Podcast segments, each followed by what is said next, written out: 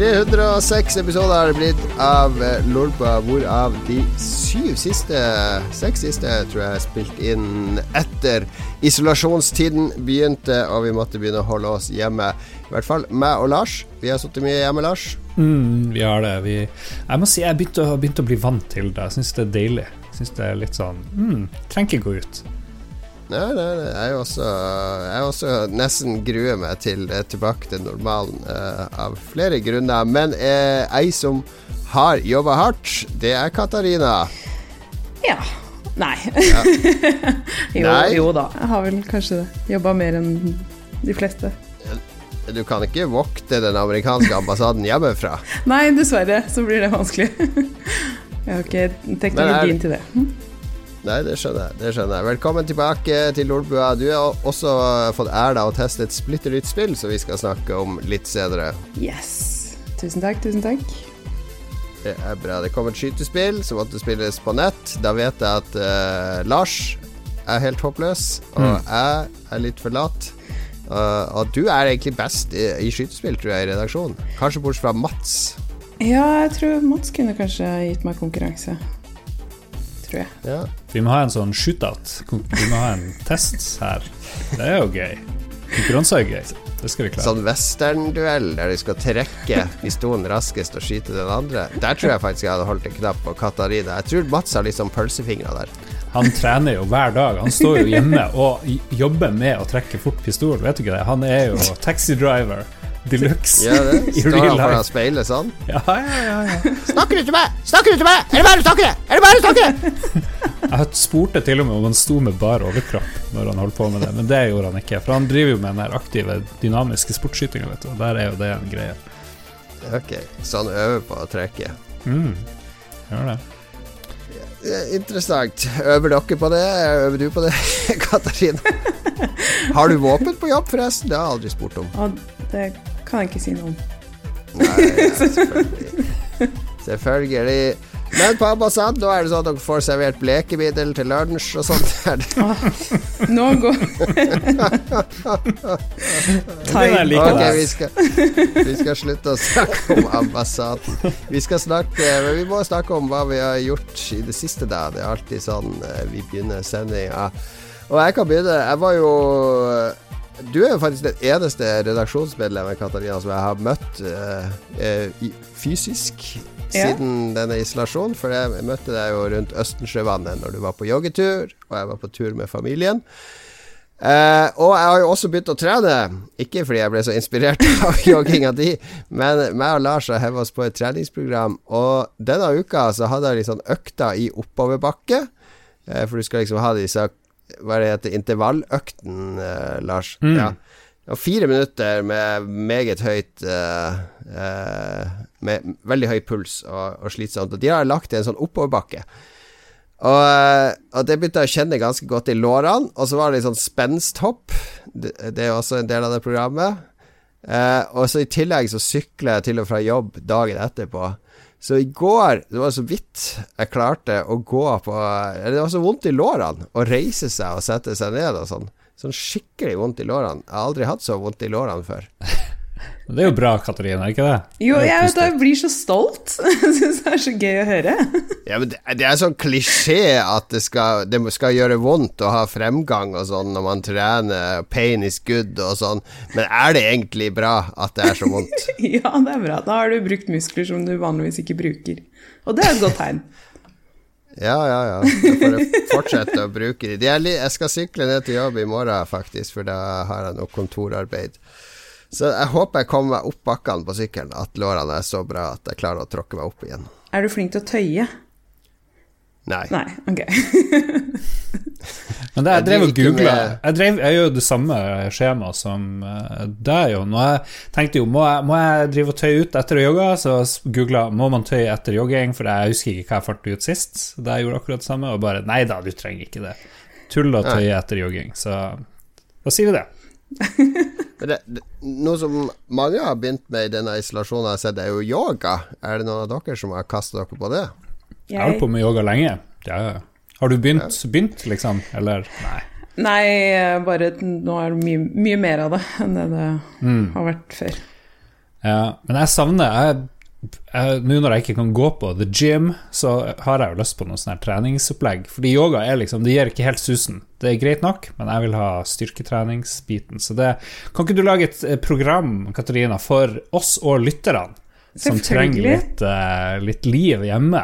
Uten altså, det er jo mane, Her kan vi monetize. Ja. Lolbuas vektklubb, eller treningsklubb. jeg må ta sånn uten utstyr, da. Jeg har litt utstyr hjemme, mm. men det er jo ikke alle som har det. Nei, det er jo det som er problemet. Er det null, null utstyr? Jeg drev og skulle gjøre sånne squats. Og jeg var vant til på the gym å ha noen sånne vekter eller et eller annet, så jeg tok noen bøker og holdt dem mens jeg gikk ned og opp, liksom. Ta, bruk en ryggsekk, så er det litt lettere. Se her. Med en gang gode råd. Her må vi fortsette på. Ok, ok, ok. Må ikke bli helt. Men har du drevet med yoga lenge, Lars? Ja, ja. 2003 tror jeg jeg var på mitt første yogakurs. Eh, kjøpte... Jeg ser for meg sånn yogafolk som sånn veldig smidige og skadeløse folk, men du er jo alt annet enn smidig når jeg tenker på det. Ja, veldig lite smidig, men det er jo store pauser, ikke sant. Men nå har jeg holdt på en stund. Det her. Det er veldig deilig. Ja, det er veldig deilig. Veldig bra. Veldig bra. Nei, jeg skal fortsette å trene. Nå er det ny uke, nye økter. Så uh, nå har jeg kommet sånn at uh, om jeg ikke gleder meg til de der ukentlige øktene, så er det i hvert fall sånn at uh, jeg kjenner fremgang. Smerte i lårene hvis det er fremgang. Så jeg kjenner, kjenner jeg fremgangen veldig godt. Ja. Så gleder meg til å fortsette. Katarina, du har vært ute og golfa? Jeg har vært ute og spilt minigolf. Ja. Eh, og funnet ut at eh, man ikke automatisk blir bedre i minigolf når man ikke har spilt siden man var åtte. Jeg, jeg trodde kanskje at det skulle være en sånn gradvis utvikling der, sånn. Ja. Men eh, da må man tydeligvis spille litt, litt oftere, da. Jeg var uten tvil den dårligste i gjengen. Uh, skal, ja. skal, ikke si hvor dårlig, men uh, veldig, veldig dårlig. Men det var veldig gøy, og det var jo uh, social distancing på høyt nivå. Så det er jo artig nå som det har vært litt fint vær i Oslo, så Ja, du må forklare Lars hva minigolf er, for sånt har vi ikke i Harstad. er det minigolf i Harstad, da? Jeg glemmer, det er bowling. Det, vi har sjarkgolf, og vi har uh, feskrugby og sånne ting. Men vi har ikke minigolf. var, uh, hvilken minigolf var det her? Var det innendørs på Oslo camping? Nei, nei, nei. Eller på var, Ekeberg, eller? Uh, det var ute nede ved Ullevål. var det Kristiania minigolf? Jeg tror de har to baner, jeg. Ok. Ja. Så det er en bane der? Ja. ja. Men er det sånn Veldig mange Jeg spiller jo minigolf med ungene av og til. Og sånn altså De banene på Ekeberg De er så herpa at uh, om du så klarer å trille den ballen riktig, så kan du være sikker på at underlaget er det folk som har stått og slått og hakka på, så den triller i alle retninger. Er det bra stand? Det var, ja, nå har jeg ikke sånn, som sagt ikke så mye sammenligningsgrunnlag, men ut ifra det du sa der, så hørtes det ut som det er veldig mye bedre der hvor vi var, for der var det 18 veldig fine hull, om det er lov å si. Det, ja, det er klart. klart. Lars, eh, ja. du faser ut der. Du har nei, aldri spilt minigolf, på 18, 18 fine hull. Det var der jeg kom inn. Ja. nei, jeg har spilt minigolf, men aldri, det finnes jo ikke sånt her nord. Det er jo snø her. Det er jo nei. tre meter snø utenfor vinduet her. Så her skal jeg bevise. Check out my windows. Skal vi se. Der. Snø over garasjetaket. Hvis dere ser. Ja, ja, ja. Sånn er livet oppi der, der livet er ekte. Vet du hva, det var noen som, var noen som foreslo å løsrive Nord-Norge her om dagen igjen. Jeg vet ikke, jeg skjønner, skjønner, ikke helt de som gjør det. Kanskje, de, kanskje det er lurt? Hva dere tror dere som er sørpå, burde dere, vil dere bli kvitt Nord-Norge? La oss uh... Du skal løsrive de fra sivilisasjonen? det er at du lager to land. Du har Nord-Norge, og så har du Norge, og så er det hvert sitt styresett. Det blir sånn Nord-Irland og Irland, sikkert. Må jo være noe connection der, da, men de får lov å styre litt, tenker jeg. Uh, ja, for all del. Bare løsriv ja. dere. Blir det monarki ja, der oppe da, eller hvordan fungerer det? ja. det var president. Det blir jo Per Willy som skal styre, eller hvem er det som skal bestemme? Nei, det blir jo Snekongen. Iskongen. Jeg vet ikke helt hva det blir der oppe. Man kan jo lage sånne morsomme titler. Bo i en sånn sneborg og Men, det er en interessant tanke hva dere skal leve av. Fiske er jo tomt, og Russland ja. Skal dere ha eget forsvar som beskytter dere mot russerne, da? Fordi vi har nok her nede med mm. alle IS-folk som kommer fra sør. Ja. Nei, vi må jo Kanskje vi bare går på lag med Russland. Kanskje det er en ting. Folk er veldig glad i Russland her oppe, eller i hvert fall i Finnmark. Det var jo Russland som frigjorde på mange måter under andre verdenskrig. Sparka ut uh, tyskeren. Så det, det, fungerte jo bra da. Det, det kan jo begynne med snøeksport, kanskje? Til store alpinanlegg og sånn her nede i sør? Ja, vet du ikke hva, fordi nå blir det jo varmere og varmere over hele verden, mens her er det ganske mye snø. Her er det sykt mye snø. Vi kan jo bare eksportere det lett i mm når folk ikke vil ha olje lenger, kan vi eksportere snø. Så her det ordner seg. Det ordner seg, folkens. Men jeg er litt sånn bekymra for hva vi skal leve av. Men det, det, er liksom en, det er en ting. Ja, jeg tenker jo For oss i sør så spiller det jo ingen rolle, fordi det er jo det blir jo som at du har 100 kroner, og så mist, 100 kronestykker, og så mister du ett kronestykke. Altså, ja, men eh, veldig mye av olje og gass kommer jo fra nordfra, da, og veldig mye av ressursene ligger her, så jeg tipper at Norge blir jo slite litt. Jo, men dere vil jo ikke grave opp olja som er der oppe, det er jo ingen som vil ta det. Jo, jo, hvis du drar til kystkommunene, så vil jo de ha olje. Folk er jo kjempepositive mange steder. Eh, noen steder så er de litt sånn ja ja, vi er litt hipster og sånn, vi vil ikke ha olje, men jeg tipper de er, er ganske happy olje her oppe. Det tror jeg. Så Miljøpartiet Lars er veldig for å hente opp olje? Jeg sier ikke at jeg er for eller mot, jeg ville bare ta det opp. Jeg ville bare lufte det, hva panelet syns. Du vil bare lufte det? Ja, jeg syns mm. dere skulle løsrive dere. Ok, det ja Vær så snill. Gjør det. Vær så snill. Syns det skulle være fanesaken til din nye avis eh, i mm. Harstad, som mm. lanserer Eller den er kanskje lansert nå, for de som hører på podkasten? Ja, for de som hører det på onsdag eller fremover, så er den lansert. Så det er bare å gå på iharstad.no og se hva spennende som ligger der. For det blir gøy. Ja. Men for, for nå, nå som vi Ja. Nei, jeg bare lurte på, får du da to pass, du da, Jon Cato, i og med at du mm. bor her i i Norge, og så Nord-Norge blir jo da eget? Ja, det vet jeg jo ikke. Hvis jeg er født der, kan jeg da gjøre krav på tilhørighet og få dobbelt statsborgerskap? Mm -hmm. det, det, må vi jo lage regler på. Jeg tenker at um, ja, hvis du kommer på ferie litt sånn og snakker snilt om oss på sosiale medier, så får du pass med en gang. Det tenker. Ja. Du må jo bidra litt. Du, jeg, jeg som uh, følger med på i Harstad og sånn skulle sende dere Skulle bestille noen blomster klar til levering på onsdag og sånn. Det er jo ingen adresse på iharstad.no. Strandgate 4. Kanskje vi burde skrive ja, men Du må få det på hjemmesida. Det skal jo sikkert masse folk som skal sende telegram og sånn. Telegram? Sånn Singetelegram på døra. ja, nei, men jeg skal gjøre det. Fjerde etasjen, ja. Strandgate 4, folkens. Gå dit.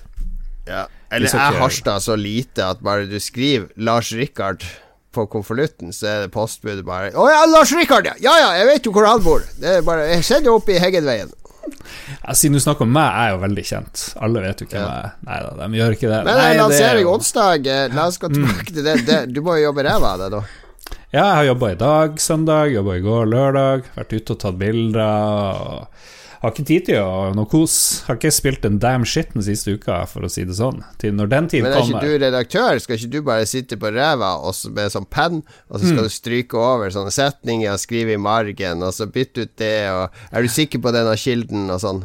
Mm, jo, I en ideell verden så hadde jeg jo sittet mye på ræva, men uh, vi er jo ikke så mange, og det er nyoppstarta, så jeg må jo Jeg må gjøre minst like mye som alle andre, og det er jo det er greit, det. Kjenner at det er helt ok. Ja. Eh, kontoret, er det flytta inn der nå, eller? Når folk hører det her, så er det flytta inn. Det er ja. alt. Eh, vi får Også er det jo vill krangel om hvem som skulle sitte ved vinduene, og hvem var det som havna nærmest dassen, f.eks.? Nei, ingen er nært dassen. Er, vi har veldig mye plass. Vi har veldig mye ja. plass, og det, det, er alt det der går fint. Men nå, as we speak, så har vi ikke så De møblene dukker vel opp eh, på mandag, tror jeg. Noe sånt. Ja. Minus to dager når du hører det her. Som redaktør har du eget kontor, da, så du kan eh, rive opp døra og så rope 'Arne!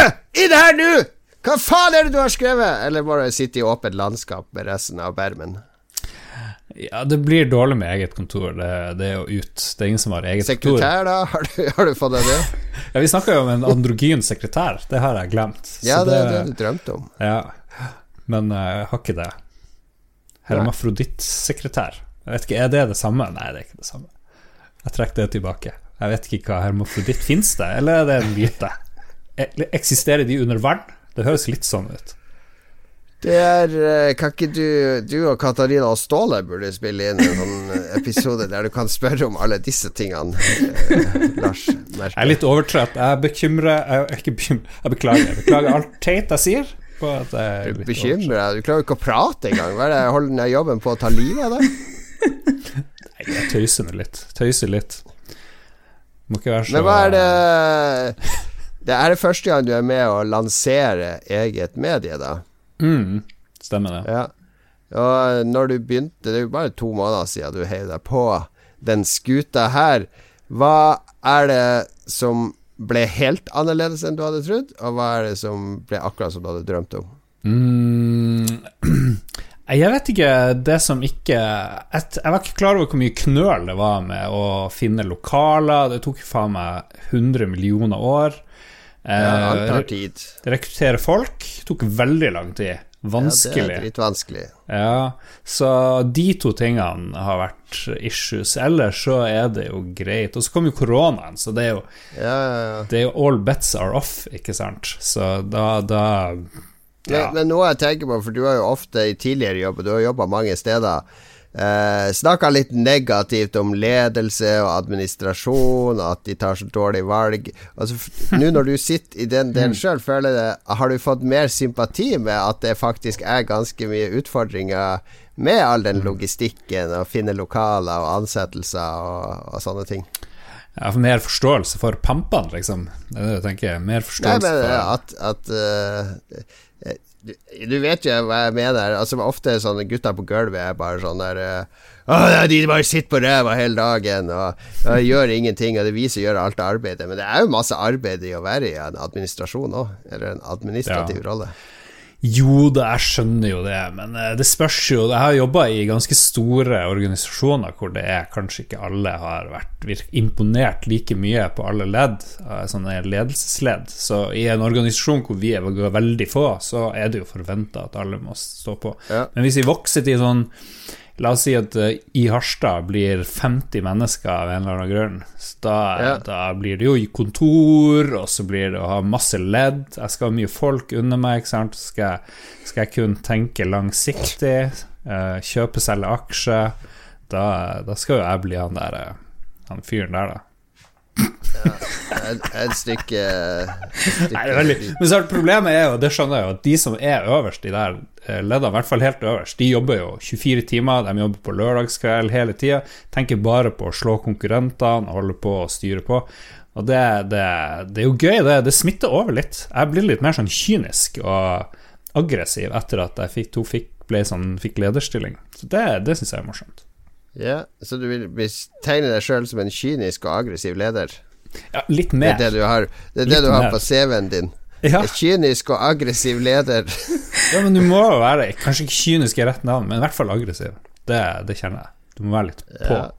Litt sånn der Fy faen, nå skal vi knuse på her. I stedet for at ja, jeg gleder meg til å dra hjem og spise middag. Det funker liksom ikke. Men det er ja, Kynisk er kanskje litt feil ord, men som leder så må du ha litt avstand. Altså, du må ha en Du må kunne ha, ta lederavgjørelser som er ubehagelige, og da Det er ikke mm. Kynisk er kanskje ikke riktig ord, men eh, du kan liksom ikke være kompis med alle på jobben heller. Nei, du kan jo ikke det. Skjønner du hva jeg mener? Ja, men det, det, ja, ja. ja.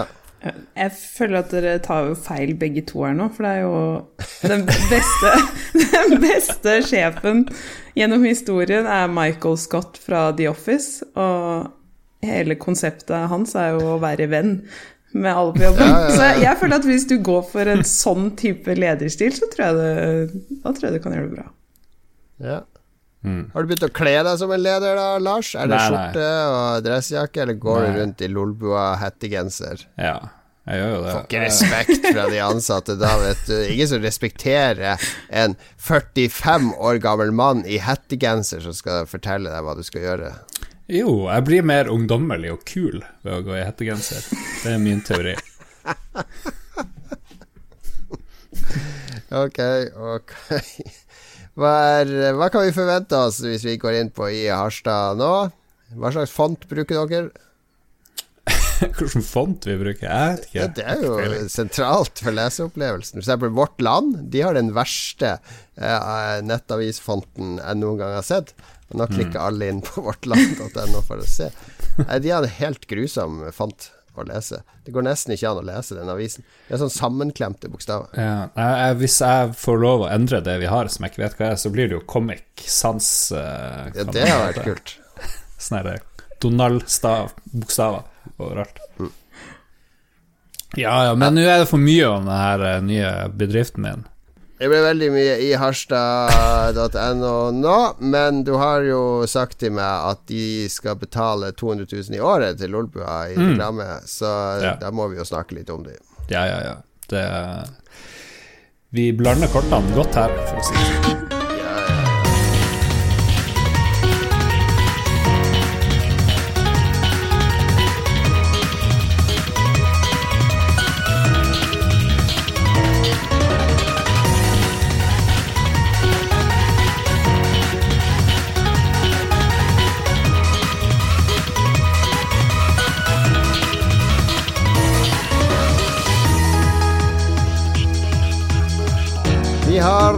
Helt ny spalte denne gangen. Så du kan velge om du vil Du, Lars, kan velge om du vil ha den først eller etter den vanlige. Vi har Den vanlige er spilt siden sist. Den nye er spist siden sist. uh, rett og slett fordi jeg føler vi må utfordre våre kulinariske uh, ganer. Hmm. Og uh, prøve å hver uke oppsøke eller smake på et eller annet som vi ikke har smakt på før. Uh, hmm. Det trenger ikke å være at du må lage en helt ny middagsrett. Men det kan være et godteri du ikke har smakt før, eller en type frukt som du kanskje ikke har smakt på mange år, eller en eller annen ingrediens fra matbutikken eller på restaurant. Det Er greit? Ja, ja. Nei, kjør på. Ja. Da Jeg tenkte jo også på at du kom til å skrive om det der, for vi nevnte så vidt før musikkavbrekket at du har vært og spist larve og bille og sånn drit. Hva, hva var opplegget her? Uh, I etasjen under der kontoret vårt er, så er det en som heter Håkon Wahl, veldig hyggelig fyr. Uh, han mm. selger alt mulig sånn gourmetskitt, og nå så kom han uh -huh. og bare ga meg noe melorm og sirissa, tror jeg det het, stekt i chili. De her uh, sirissene. De er jo sånne fluegresshopper som lager lyd i Syden. De der ja. Det er jo veldig koselig, inntil det blir veldig irriterende. Så han bare De lager bare lyd i Syden, er det ja. ja, er Når de, de, er på ferie, de setter seg på charterfly 'Å, da er vi i Syden, dere, da kan vi begynne' Og så drar de tilbake til Norge, så bare ja, Er det noen sirisser nede i Oslo? Hører dere dem? Ja, det er noe Eller det er tenkt tegn til noe. Men de er jo i USA òg, for eksempel. De er mm. i Los Angeles og ja, Det er jo Syden. ja. Ok, hva sa Håkon? Og så bare kom han Se her, se, skal ikke du prøve det her? bare, hva er det? Hold ut hånda, hold ut hånda. Og så bare det detter ut tre-fire sånne disgustinge gresshopper, og bare oh, jeg, jo, jeg tenkte det her er jo helt uproblematisk, så jeg bare syntes det var litt disgusting, og så bare gomla det i meg. Smakte ingenting. Deles opp i munnen som litt sand og Jeg vet ikke. Noe tørre greier. Ja. Og så fulgte det opp med melormer, det var mer disgusting. Sånne tosanktormer som var enda mer sandaktige. Og det, var, det er så jævlig ut. Men han drev med gourmetmat? Hva har det her med mm. gourmetmat å gjøre? Det er, jo, det er, jo, ingen som spiser det her for noe annet enn kuriositet. Nei, men han sier jo det her er fremtida. I fremtida så kan vi ikke drive og spise KB-kjøtt, fløgge fra Japan og biff fra Sør-Amerika. Vi, vi, må ta det vi har. Alle har insekter, og insekter har masse proteiner. Tjohei. Så det, det blir en greie. Nå, nå, klarer de å lage syntetisk kjøtt i laboratorium, så, så det er ikke enighet om hvordan matfremtida blir. Ja, men Tror du ikke det er enorme ressurser som må til for å gro frem kjøtt i sånn science fiction? Det er, det er, jo apokalypse. Ting går til helvete. Vi må gå low tech, og da er jo flue. Hva er mer low tech enn flue? Men eh, når du spiste dette, tenkte du at dette kunne være en del av en rett? Altså med litt ketsjup, eller kanskje i en wrap eller noe? Eller var det bare uh, uh, det, jeg, tror det, jeg, tror det, har kommet for langt av sted. Jeg tror det er lagd et helt annet sted på jorda, og så er det som å få litt sånn dårlig, dårlig produkt. Eller det var ikke dårlig, men det smakte ikke så mye. Du må ha mer smak, mm. så kanskje litt Kanskje litt ketsjup hadde vært tingen, men da smaker det jo bare ketsjup, liksom. Så jeg vet da farsken. Ja. Har du smakt noe sånn her, eh, Katarina? Nei, det eneste jeg sitter og tenker nå, er liksom du, du tenkte ikke at nå, hvis du spiser det her nå, så plutselig så har vi enda en ny pandemi på gang. Mm. så oh, Flaggermus! Ja.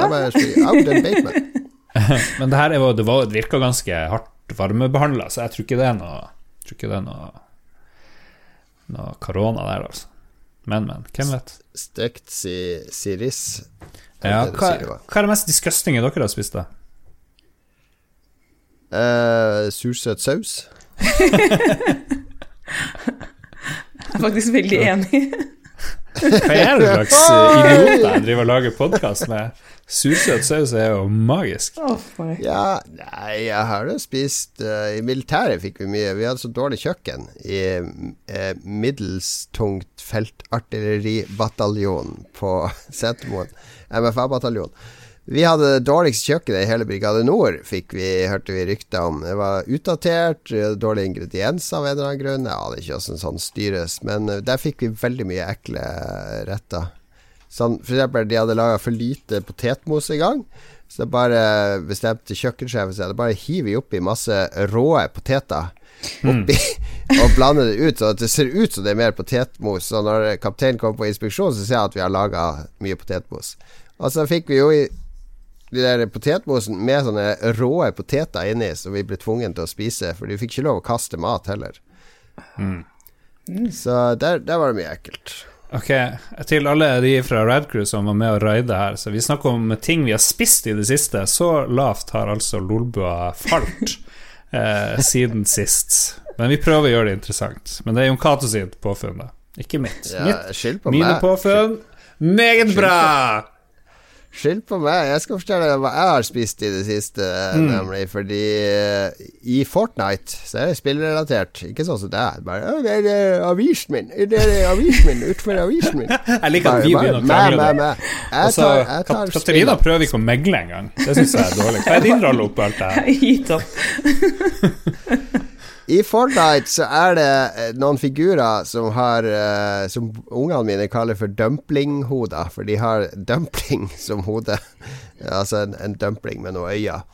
Så uh, også når vi prøver å finne på nye middager av og til, spør min kone er det noe vi har lyst til å spise, noe vi vil prøve, så begge bare Ja, vi vil ha dumplings! Dumplings, fordi det har de sett i Fortnite. Mm. Altså bare, ok, Det er ikke bare bare å lage det. Du må jo ha noe sånn rispapir og frityrstek og ditten og datten. Så vi dro på en sånn Asia-butikk, og så fant vi masse sånne ferdigdumplings som du bare kan varme i, i uh, frityr. Altså, altså det, det tilsvarer Du koker jo like, opp olje, varmer opp olje. Det er ikke bare det du gjør, og så slipper du ting oppi Jo, jo, varme opp olje. Så, men det var en sånn ferdiggreie, ikke sant, så det tilsvarer jo sikkert Det er like mye dumplings som en pizza Grandiosa er pizza, ikke sant? Mm. Det er sånn ferdigprodukt. Men eh, alternativet var jo å lage alt fra scratch, så det var ikke vi så hypp på. Så vi kjøpte litt sånn forskjellig her. Eh, og så lagde vi alt i dag. Lagde kona mi det, og så lukta det ganske greit her oppe. Og så kom vi ned og skulle spise de det mest disgusting, ekle Æsj, så jævlig det var. De ene var fylt med sånn kimchi. Og kimchi er jo ganske disgusting i utgangspunktet, spør du meg, da. Sånn ren ja. kimchi. Ja, hva er det kimchi? Jeg vet ikke hva det er engang. Det er bare kimchi med her og kimchi med der. Det er noe som lukter sterkt og smaker like ille. Så ja, du vet like var... mye som meg hva kimchi er, selv om du har spist det. ja, nei, så nå er jeg så sulten at jeg holder på å sulte i hjel her, for jeg spiste mm. to sånne ekle dumplings, og så hadde jeg også kjøpt noen sånne minivårruller. Og de smaker jo bare mm. crispy Det var jo som å spise papp. Altså, Og så var det noe ris og nudler til. Så det var total fadese. Så ikke dra på sånn Asia-butikk og kjøp uh, ferdigdumplings som du bare skal varme i olje. Det kan jo hende du fucka opp, da. Skal vi se, gjæra kål, sier uh, Fermentert kinakål, sier Oreine ja, og gjengen. Ja, det er råtten, råtten kål, altså. Fermentert er bare sånn Sånn sånne idiotkokker bruker fordi de ikke vil si at det er råtten fisk. Ja, det er fermentert. Ja, det lukter ikke helt godt. Ja, fermentert fisk, fineste du får. Det er råtten fisk han prøver å dytte i deg. Bare si nei. oi, oi, oi. Ja, det er vel morsomt. Men eh, du må jo lage det sjøl, da.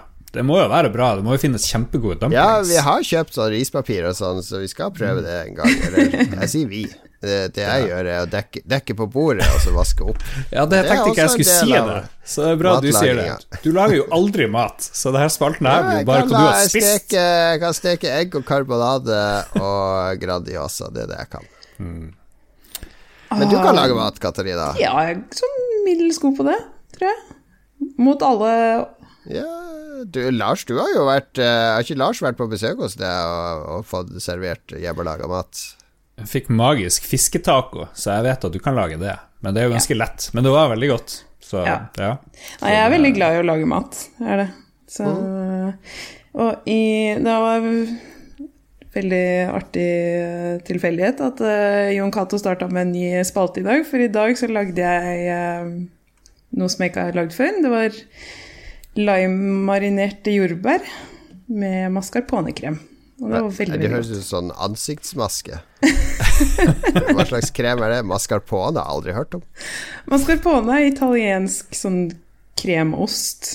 Litt ah. uh, Den er litt søtlig i smaken, eller den er ganske nøytral, da. Men den um, blander den med vanlig du pisker kremfløte, og så blander du mascarponen, og så blir den veldig frisk. Mascarpone! mascarpone. Ja, si. Veldig bra. Men var det her middag? Hva var det her for noe, egentlig? Nei, det var bare Jeg så de hadde jordbær på den um, fine grønnsaksbutikken uh, nede på ja. senteret her, så tenkte jeg ja, jeg kan prøve teste det. Hmm. Så hadde jeg lime i kjøleskapet, så hmm. Nice. Jeg har spist middagen, da, faktisk. Har jordbæra kommet utfor vinduet ditt, uh, Lars? Ja, det var noe jordbær i butikken, det var det. så jeg hadde litt lyst til å kjøpe det. Hva, vet dere hva jeg har lyst på? Jeg har lyst på reke. Åh, jeg har lyst på reke. Ja, det, er jo, det, er jo, sommer. Det er jo smak av sommer, vet du, så jeg savner litt det. det Håper de har det. Kan du spise reker med tre meter snø utenfor?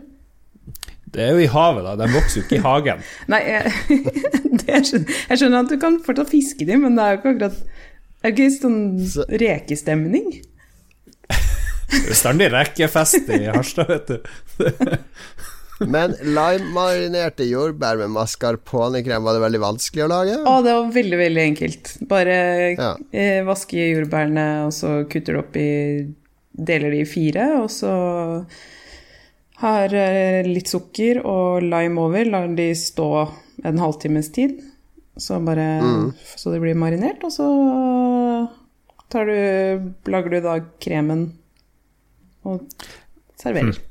Vet dere hva, har, Folk har jo kopi, kopiert mye fra Lolbua opp gjennom tida. Uh, level Up, stjålet anbefalingen osv. Nå kommer noen garantert til å stjele hva har du spist siden sist, for det her er jo ganske ja, morsomt. Ja, men jeg tenker I isolasjonstida òg er det greit å få litt inspirasjon til nye ting. For det blir jo eh, Det er sikkert noen som spiser Grandis hver eneste dag. Så det mm. kan jo være greit å Ok, kanskje mange vil lære seg å spille gitar i disse dagene, eller uh, noe, lære seg noen nye ferdigheter. Så lære seg kokkekunst kan det jo være en god anledning nå. Ja, kanskje du skal lære litt kokkekunst, uh, siden du Jeg trenger ikke. Jeg skal, jeg skal, dø Jeg skal dø før kona mi, så jeg kommer aldri til å trenge å lage mat. Oi, oi, oi, det vet du ikke. Du vet det er en film, så nå går det galt. Jo, det er 13 eh, år igjen, det vet du, Lars. 60 år, så er det slutt. Det er jo siste episode av Lolbua. Med meg, i hvert fall. Det blir veldig, veldig morbid, det her. Det blir gøy det hvis vi holder på med det her når jeg er 60 år, for hver uke blir det Er Jon Cato fortsatt i live? Ja eller nei?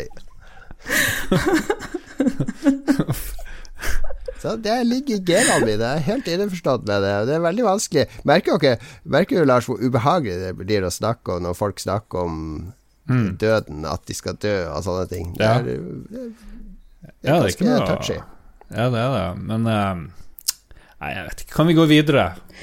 Ja, ja, ja. Alle, alle kan gå videre helt til de dør.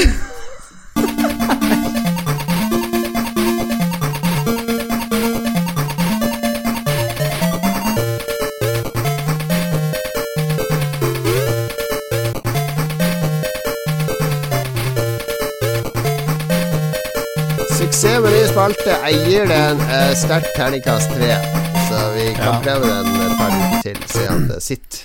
Det er sånn vi prøver ut ting i Lolbua. Vi bare eh, kledde sammen nå i handa, og så kaster vi det mot veggen. Altså hvis, hvis det ikke faller av veggen, så, så tar vi det med.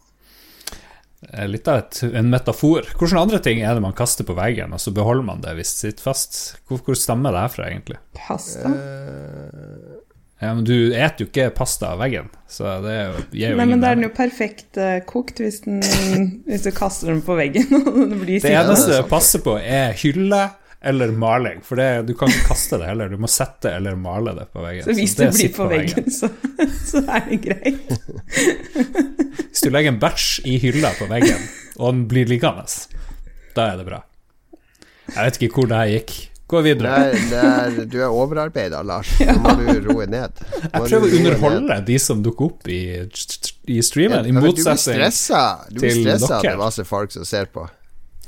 Jeg blir jo ikke stressa, jeg blir jo bare litt glad og yr. Uh, Yra for lyttere og seere. Ok. Uh, hva har vi spilt siden sist? Det var på tide at denne podkasten handler om annet enn uh, uh, de der hodene i Fortnite, men ordentlige spill. Og Lars, er det sånn at du har lagt spill helt på hylla nå som du har blitt leder? Det har ikke mm. ledere tid til? Jeg har ikke spilt en drit siden sist, sånn ordentlig. Jeg har spilt litt på mobilen når jeg er på do og sånt. Det her er Polytopia, som jeg nevnte tidligere, en slags Civilization Light. Og det er gøy, det er mye taktikk. Jeg skal prøve å få mest mulig poeng, og da må jeg vite hvilken styrke jeg skal lage. Bladi, bladi, bla. Så jeg syns det, det, er litt gøy. Det er litt morsomt. Jeg er fremdeles ikke lei. Jeg er ikke det. Så det, hvis du har mobil, sjekk ut Polytopia. Siv, det er sånn expand, conquer, research, uh, ulike mm ulike styrker som er gode mot hverandre og sånn. Sånn, da er vi ferdige. Nå kan jeg gå og legge meg. du har snakka om, det før òg. Ja. Eh, jeg, jeg, driver også med gamle spill. Jeg begynte jo på en ny gjennomspilling av Red Dead Redemption 2 i isolasjon, og jeg, jeg koser meg gløgg i hjel nå i det spillet der. I hele, hele fredagskvelden så satt jeg i det spillet og jakta. Drev og fulgte etter dyr, prøvde å få perfekte pelser for å crafte nye sånne tasker. Og bare sitter der nede ved elva og ser på dyrelivet løpe forbi, og skyene og sola. Det er så pent! Det er så idyllisk. Det er så mye bedre enn å sitte ute i naturen på ordentlig med alle fluer og insekter og pollen og drit og lort. Det er, det er bedre enn virkeligheten, naturopplevelsen i Red Dead Redemption, vil jeg si. Jeg elsker å ri. Uh, fast traveler aldri. Rir store avstander. I dag var jeg nede og fanga en alligator og, og jakta på villsvin. Tok to legendariske dyr. Ah, det er så deilig. Det er så deilig spill. Men nå må, vi jo, må vi jo få en reality check her. Nummer én, du får jo null fysisk eh, fostring av å sitte foran denne PC-en. Du ødelegger Det er dårlig for helsa di, faktisk. Så det er jo motsatt. Det er jo beviselig ikke bedre enn å være ute i naturen. Men hvis jeg hvis jeg går en tur i skogen, så blir det tett i nesa, tett i halsen, får pusteproblemer, og så må jeg gjerne legge meg nedpå litt når jeg kommer hjem, for jeg må hente meg inn, vente til allergien er gått ut av kroppen. Vil du si at jeg bør gjøre det i stedet for? Kan ikke du få noe sånn hormonsprøyte, eller jeg vet ikke hva man putter i seg? Kortison? jo, jeg tar jo medisin, men jeg merker det jo for det. Det er eh, slitsomt å være ute i skogen på denne tida. Jeg har hørt at du kan ta i deg blekemidler og sånt, så forsvinner eh, allergien. Blekemidler? Ja, det, det, er noen som har sagt det. Er det ikke han Trump, arbeidsgiver til Katarina? Eller Hur! hur Hurmorny på ambassaden! Nei, men, det, men går an å gjøre begge deler òg, ikke sant? Men det der uh, Å skape uh, verdener som er så fine å være i og reise i, det Jeg syns det er kjempestor prestasjon.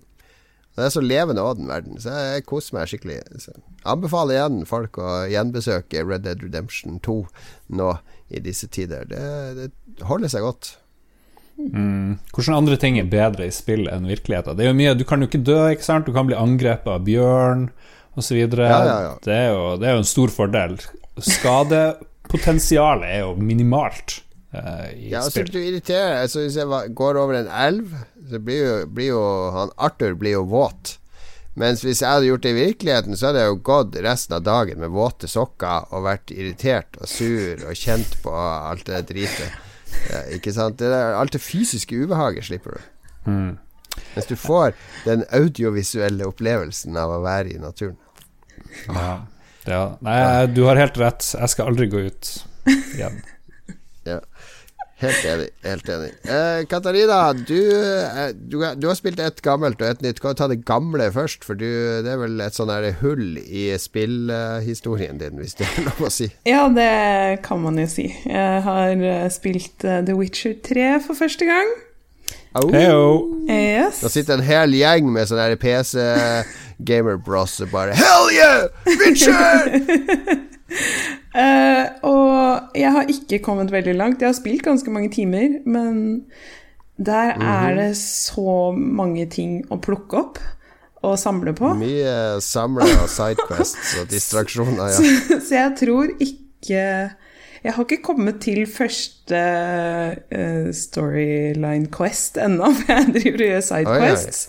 Og eh, plukke bær og planter. Ja, ja, og jeg, veldig, jeg har funnet at det er veldig lett uh, distrahert av uh, de grønne bladene på kartet. Så, men jeg syns det er veldig, veldig gøy. Jeg jeg Høres det veldig sånn jentete måte å spille spill på? Jeg, jeg vil bare gå rundt og plukke blomster. Trenger ikke. Nei, men jeg tenker eh, Jo, altså, jeg slåss jo, så jeg oppsøker jo der hvor det er uh, disse monstrene òg, men jeg syns uh, ja. jeg, jeg, tenker at jeg må forberede meg mest mulig, så jeg plukker sånn at jeg kan lage potions og sånne ting. Så jeg plukker ja, ja, veldig mye ingredienser, og så vet jeg jo Jeg er jo ganske fersk, så jeg vet jo ikke hva jeg hva som er bra og hva som er dårlig. Så derfor så må jeg på en måte bare plukke masse av alt. Så ja, For det er jo sånn spill, når du først har crafta en ting, så craftes den automatisk. Uh, så det er litt sånn raust at du ikke trenger å mikromanage det. Ja, det kan være ganske greit med så, såpass mye som kan craftes da. Så det, nei, så det har vært veldig Men, gøy. Men viktigste som skjer i Witcher, er jo, uh, er jo litt sånn raunch. Har det blitt noe poolings ennå? Å nei, veldig lite. Han har mye muligheter gjennom spillet. Åh, jeg gleder meg. jeg tror jeg er en ganske Fordi når jeg skal Jeg bruker veldig mye tid på å snakke med folk, og så får du liksom alternativer hvor du kan avslutte samtalen, på en måte. Det mm. gjør jeg aldri, for da føler jeg at det er jo veldig frekt. Så ja. min, altså min, Geralt, han er veldig hyggelig. Veldig sosial type. Så ja. ja. Mm. Så da ordner det seg nok etter hvert. Da kan vi holde oss oppdatert det, hvis det blir noe. Ja. Men satser du på potions, eller satser du på liksom, hva, hva er det du uh, deler ut poeng i og sånne ting? Uh, Malay, eller er du mer magic? Ah, ikke sant, og det der òg. Når jeg så skill-tre og alt du skal Ja, jeg blir jo nå har jeg tatt bare på grunnleggende ferdigheter, altså det at han uh, får stamina og sånne ting, fordi jeg vil ikke jeg vil, jeg er litt, Viktig med mye stamina, vil Kristian sagt. Men jeg føler, at jeg, jeg, jeg føler at de valgene jeg tar, det, det, får så store konsekvenser. Så derfor så jeg litt sånn, har jeg litt problemer med å velge ennå. Men um, nei, nei, jo, jeg regner med at det blir ganske mange timer med The Witcher framover. Uh, mm. Så det blir nok av muligheter. Så jeg vil, Det er et herlig spill, Lars. Burde du prøve deg på? Jeg har jo spilt mye Witcher 3, og så ja. Ja, så, sånn som alle andre spill, ikke fullført. all right, all right. Men du har spilt noe helt nytt da, Katarina. Et spill som kom, kom vel på fredag, tror jeg? Torsdag? Kom det, forrige uke? Det kom på fredag. Ja. ja. Eh, til PlayStation og PC, og utgitt av I hvert fall på PlayStation er utgitt av Sony Computer Entertainment, så det er jo et PlayStation-eksklusivt spill. Konsolleksklusivt. Ja, eh, så det har jo kommet til PC, så du kan uh, Det er crossplay-muligheter der, da. Ja. Mm. Uh, ja, det var Predator Hunting Grounds. Som mm. uh, er veldig, veldig gøy. Det er uh, Jeg måtte søke opp hva de kalte det. Det er et asymmetrisk FPS. Multiplayer. Asymmetrisk multiplayer, ja. ja. Hva det vil si? så i Du spiller jo bare Det er bare et multiplayer-spill hvor du, du spiller PVP. Uh, du, du, kan da du deles inn enten i et fireteam på fire, eller så er du predator. Og da mm. er du alene mot, uh, uh, mot bots og fireteamet. Hvis du er fireteamet, så er det da deg og tre andre som slåss mot bots og predator. Ja. Vi har diskutert tidligere hvordan uttaler man predator, egentlig. Og det høres ut som du har svaret. Men jeg syns Predator høres gøy ut, for det var det vi sa på 80-tallet i den filmen. Ja, Da filmen til Arnold Schwarzenegger kom. ja, og den er eh, regissert av McTiernan, som etterpå regisserte Die Hard, så det, hvis jeg mm. husker rett. Det, ja. det, var en av favorittfilmene mine da jeg vokste opp. Ja, det er en knallfilm. En knallfilm. ja. Stick around, som Arnold sier når han uh, slenger en kniv gjennom halsen på en fyr og henger han opp på veggen. Men er det, prøver de å kjøre filmvibes, eller hvordan univers er vi i, tenker du? Nei, vanskelig Jeg føler hm. Det er Jeg får litt en sånn uh, Altså, de der Ilphonic som har lagd det. Samme som lagde ja. Fredag 13. Mm. Uh, så det, det, er litt sånn Jeg får litt Fortnite slash COD-følelse av spillet, pluss det, Altså, du kan uh, du, du, spiller jo Det at du er, spiller sammen med tre andre, så er det jo Du har et oppdrag som du skal gjøre, og så kommer liksom Predator og ødelegger for alt Altså prøver å ødelegge for deg.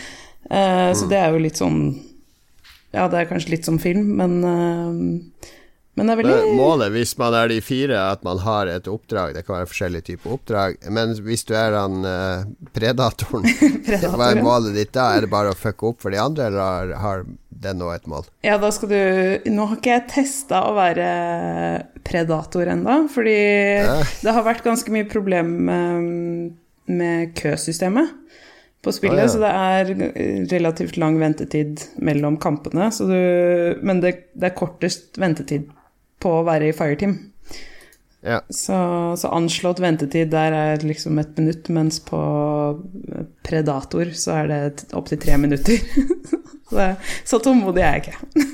Vi skal jo egentlig ikke nevne det som skjer i chatten, men de har funnet ut at Predator det er den svenske forgjengeren til PC.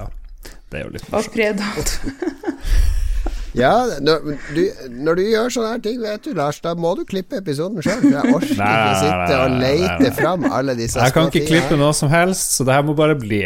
Og jo mer du snakker om det, jo mer tull blir det i podkasten. Du trenger ikke klippe det bort. Hvorfor skal du klippe det bort? Det er bare morsomt, det. Ja. Kjempemorsomt. Jeg ler høyt. Ok, en Predator uh, Hva heter spillet igjen? Predator Hunting Grounds, var det ja. det? Ja. ja. Ja. Er det, er det, noe du kan anbefale her og nå, eller har du ikke spilt det nok? Eller det er kun PVP, liksom? Det er bare PVP. Ja. Mm, eh, jeg føler det er et veldig greit spill å bare hoppe inn og ta et par kamper når du har tid. Eh, jeg falt mm. jo selvfølgelig for uh, kosmetiske muligheter i spillet, som alltid er en vinner hos meg. Men det påvirker ikke Altså skillsa dine, da. Du har ja. Eh, våpen, og du må unlocke våpen etter hvert som du spiller, og sånne ting. Så det er veldig De fire soldatene, de har ikke ulike skills? Det er ikke noe sånn medic eller scout eller sånne ting? Jo, du, du starter det, ja. som uh, assault er det vel. Og så, så ja. for hver level, eller etter hvert, så opp, låser du opp tre andre muligheter. Så det er sikkert veldig gøy. Nå har jeg bare spilt det alene, men det er sikkert veldig gøy mm. hvis du samler et, og har et eget fireteam på fire stykker, og, ja, ja, samarbeider og kan For han, han, som er predator, er gjerne ganske vanskelig å ta, i og med at han kan jo cloake seg, og han er, han er litt overpower i forhold til oss. Så hvis du går sammen med tre andre, så er det sikkert veldig, veldig gøy. Og veldig Det høres veldig ut som et spill som heter Evolve, som kom for sju, seks, syv, åtte år siden.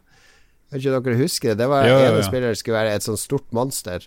Altså De fire andre var jegere, og de hadde ulike skills. Kunne sette ut felle, og ene var scout, og ja. Og, og, det var et spill som ble lansert med brask og bram. Jeg tror jeg til og med var på pressetur til København for å spille det spillet før det ble lansert. Men uh, det levde vel bare i et år etterpå. Det ble veldig sært, den der asymmetriske greia. Ja. ja, nei, jeg husker det var jo en enorm flopp, eh, det der spillet. Men uh, jeg kjenner Ja, jeg, jeg, vil at alle skal være på lik fot og sånn. Det blir litt sånn Men jeg vet ikke. Kanskje man burde prøve det. Kan du lage dine egne kamper, at du har fire stykker, så Altså, det er en uh, private match-setting der, som jeg da ja, ja. som sagt ikke har prøvd siden jeg har vært alene. Ja. Men uh, mm. det, det, går sikkert, det òg. Alright. Politopia, Red Dead Redemption 2, The Witcher 3. Masse gamle spill her, men også Eh, predator Hunting Grounds har vi snakka om.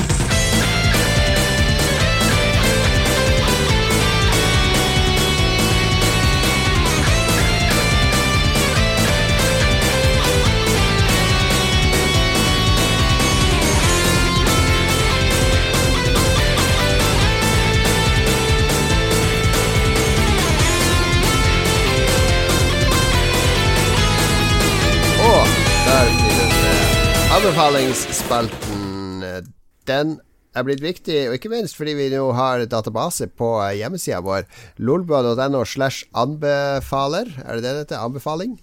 Uh, en av de Det er så viktig at jeg ikke husker URL. Det er anbefaling, er det ikke det? Det høres jo ja. mer fornuftig ut. Da kommer du til en database med eh, over 200 anbefalinger innen film, TV-serier, musikk, mat, tannlege i Harstad osv. Uh, eh, der får du anbefalt det aller, aller meste. Og det er veldig Jeg har brukt den for å finne ting å se på eller lese.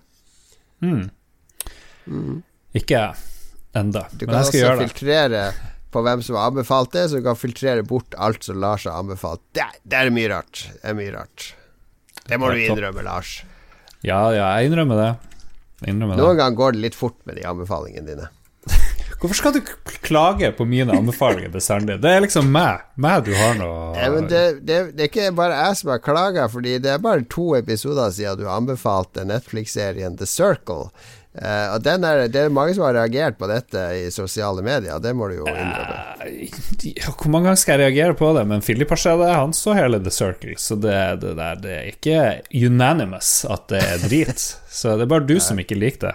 Du, driver, du, vil heller se Paradise Hotel come on, og det har du òg anbefalt. Har, jeg har ikke anbefalt Paradise Hotel! ikke i det hele tatt. Du har snakka varmt lenge om Paradise Hotel. ja, men Paradise Hotel, den sesongen nå, er så dårlig at den er nesten verdt det. Det må kanskje være den dårligste Paradise Hotel-sesongen som er laga. I rest my case. Beklager, beklager til eventuelle Paradise Hotel-deltakere eller som hører på podkasten. Men det er ganske kjedelig i år. Og det, er det som er kjedelig i år, vet du hva det er? Det er kjedelig hvert år. Det kommer, er det noen nordlendinger med? Blir shippa hjem med én jævla gang.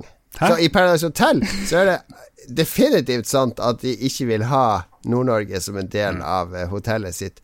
Det kom inn en nordlending, han var russepresident, det var russeuke. Jovial tromsværing. 'Hei, hva skjer, karer?' Han ble utspilt og skippa på huet og ræva hjem. Foreldre, rakk å forelske seg, rakk å grine, rakk å ha et sinneanfall. På to dager rakk han alt det her før de skippa han på huet og ræva hjem. Det er, det er typisk rasisme. Nordnorsk rasisme. Det, ja, ja. Ellers er det bare trøndere og østlendinger med. Ja. ja det er litt av en gjeng. Litt av en gjeng. Men eh, det er ikke det jeg skal anbefale. jeg skal anbefale noe jeg bruker i dette øyeblikk, nemlig Nvidia RTX Voice, som er Nvidia sin nye uh, den er vel i beta, tror jeg, så den er ikke mm. helt 100% lansert ennå. Men de bruker deler av eh, de avanserte grafikkortene sine som støydempende så, men støydempende algoritme i voicechat. Uh, og det ble lansert uh, litt sånn uh, Jeg ble tatt litt på senga at de plutselig Grafikkortprodusenten kom med sånn der noise cancelling-funksjon. så jeg lasta ned programmet og prøvde, og du liksom du, du, lager Du velger da at RTX-mikrofonen blir da en virtuell mikrofon som tar over din mikrofon. Så alt jeg sier i mikrofonen nå, det går liksom gjennom den algoritmen. Og Det betyr at dere ikke hører ungene mine i bakgrunnen, eller når jeg trommer på bordet sånn som jeg gjør nå, eller når jeg slår meg på rumpa, låret litt, sånn som jeg gjør nå. du hører litt, bort. du hører litt, og så filtreres det bort, på et vis. Ja, så vi hører filtrerer jo bort støy og ulyd eh, ganske raskt. Mm. Uh, og det, det, funker overraskende bra. Uh, det er andre som har prøvd seg med, med sånne programmer. Discord har et samarbeid med noen. Uh, og der ble problemet at det blir veldig sånn metallisk lyd på stemmen. Du hører liksom at det er uh, veldig bearbeida lyd, så, så, stemmen blir ikke bra. Men den RTX-greia, det fungerer veldig bra. Og det beste av alt, det fungerer Du kan også bruke det på innkommende lyd. Så, så hvis du prater med noen som har masse bråkete unger eller måke eller uh, en hund som står og bjeffer i bakgrunnen, så kan du filtrere bort deres støy, så du får en fredelig samtale. Det er jo en dream come true, for det er jo hele tida et eller annet eh, Hele tida en unge som hyler i huset ja, ja, ja.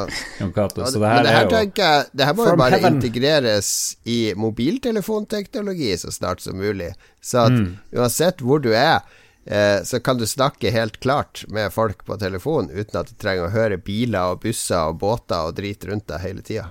Ja. Det er ikke 100% det er liksom, Jeg tror du må jobbe litt med innstillingene. Fordi jeg hørte han Magnus Tellefsen, vår tidligere venn, brukte det, og lyden hørtes litt sånn weird ut. Og din lyd er ikke perfekt sånn heller, men det er jo veldig fint å slippe den lyden. Så jeg tror det kan justeres litt på det. Eh, originallyd i et studio vil jo bestandig være liksom det å foretrekke. Men jeg har hørt flere som har brukt det der. Han der Epos Vox er det en fyr på YouTube som heter. Han har gjort noen tester, og det høres sinnssykt bra ut. Så jeg, liksom, jeg tenker at med litt fintuning så blir det der det nye som alle bruker, tenker jeg. Ja, det er ikke så mye å tune, det er bare en bar fra 0 til 100% Ja, Hvor mange prosent eh, effekt har du? 100% Always 100% Jeg gir 100% av meg sjøl i enhver setting, også her på Perra. 110 Jeg står 110% inne for alt jeg har sagt og gjort her på Paradise Hotel Lolbua. Ok. Nvidia RTX Voice, veldig spennende teknologi. Um, skal Katarina få lov å ta neste, neste greie? Do it. Uh, jeg har to, jeg. Oh, shit. er det lov? ja, ja, ja, ja, Den ene er veldig, veldig, veldig kort. Uh, A pluss 3 i en vaskekapsler til uh, klesvask. Hm. Ja, fortell. De lukter veldig godt. Det er bare en sånn liten kapsel som du putter inn istedenfor å ha pulver og alt det der. Og så blir klærne veldig, veldig rene. Det, det, det, jeg har begynt å bruke den nå, jeg er veldig veldig fornøyd. Så... Men det er masse jævla lukt? Er? Ikke, jo... masse, ikke, masse, lukt, men det lukter, det lukter rent. Det lukter ikke sånn blomster og sånt. Det bare lukter Klærne mm. lukter det er, rett. Det er ikke veldig parfymert? Nei, uh, og selv mine Nei. svette treningsklær, som har en tendens til å lukte, de Ja, nei, det, det bare lukter friskt. Så jeg er veldig fornøyd med det. Kan man uh, hvis man har korona, kan man spise de? Ja. Altså, det, jeg har fått en anbefaling fra sjefen, faktisk, om at det Ja, nettopp. Ja. Ja, nettopp. Han har sendt ut en mail. A det er jo fått utlevert A pluss-tabletter på jobben. yes. Men jeg er jo litt allergisk, og sånn, så hvis jeg begynner å bruke masse parfymegreier, så begynner det å klø litt, tenker jeg, og jeg liker ikke masse. Åh, skal du Ja, du må jo kunne Det er jo bedre å ha på seg rene klær, Lars, enn å sitte og spille dataspill. Ja, du får harselert med mine allergier i sted, Lars. ja. Få på deg klærne. Vask de. Det er jo det som er poenget. Vi skal jo vaske de. Men bruker ikke du sånn her eh, uparfymert vaskemiddel, Jon Cato? Jo, jo, jo. Ja, da jeg var i militæret, så fikk jeg jo utslett over hele kroppen. Fordi militæret vasker jo i sånne industristyrkevaskemiddel, så det, det mm. tålte ikke min sarte hud. Ja. Jeg skulle gjerne helst sett den der eska her. Hvorfor viser ikke du frem den? Jo, jeg kan vise den frem. Den ser, den ser sånn ut. Jeg prøvde å se om det var noe sånn allergiopplegg på den, men jeg A ikke I Japan så burde det hete S pluss, for det er vel det beste der nede. Mm. Men A pluss er best i Norge. Ja. Uh, ja, det var det. Og så etter uh, Jeg lurer på om det var deg, Lars, som la ut en link på, på Discord angående bøker. Uh, mm. Skumle bøker. Ja. ja, der, ja, det husker jeg. Veldig bra link, Lars. I, veldig. Der, den ene boka der leste jeg, 'A Head Full of Ghosts'. og den var veldig, mm. veldig bra. Den anbefaler jeg. Den var helt det, Hva var det den handla om? Uh, den er skrevet av Paul Tremblay uh, og handler om en Vanskelig å forklare. Det, en, det handler om en jente som var med i en TV-serie som var en dokumentar om livet hennes. Oppveksten ja, hennes. Og så, det her kommer til å bli en film. Jeg så de driver og Den er i preproduksjon nå. Uh, mm. Og så er det om søsteren hennes er besatt eller ikke. Også, Men du vet, uh, du vet, jeg har lest den boka. Og du har det? Du vet at jeg, jeg anbefalte den i episode 215. Ok. Men når Lars anbefaler, da, da, da kan jeg lese det. Da kan jeg poste en link. Da kan jeg lese. Men når jeg Snakk om det i Lolbua, episode 215. Hva gjør du hvis datteren din blir besatt av djevelen, og hva gjør du hvis du mistenker at du bare faker det hele? Grøssebok om en familie med en datter som kanskje er besatt av djevelen, og mediestyret rundt det hele. Ja, den, men da støttes den av eh, enda et medlem i podkasten. For den er veldig, veldig bra. bra. Veldig bra. Ja, det er en kjempekul bok. En veldig spesiell horrorbok, fordi det du står liksom på utsida av ting her. Nei, det er ja. veldig spesiell. Anbefales av meg òg. Ja. Ah, så bra. Lars? Jeg liker at det er noen som har mer pondus enn andre her når det gjelder anbefalinger av bøker. Sånn er det bare. Jeg skal anbefale Fat Girl Slim. Hun heter egentlig Nelly Cook, og hun er datter til uh, den kjente DJ-en Fatboy Slim. Som og, egentlig heter Som heter Norman Reedus. Nei, hva heter han? Norman Cook, selvfølgelig. Norman Cook. Ja, jeg, husker det nesten. Han, uh, Norman Cook har mye bra DJ-ting eh, på nettet. Han er kanskje ikke min favoritt-keys uh, som DJ, det er jo Jon Cato, men hun her er Fat Girl Slim. Hun er utrolig sjarmerende.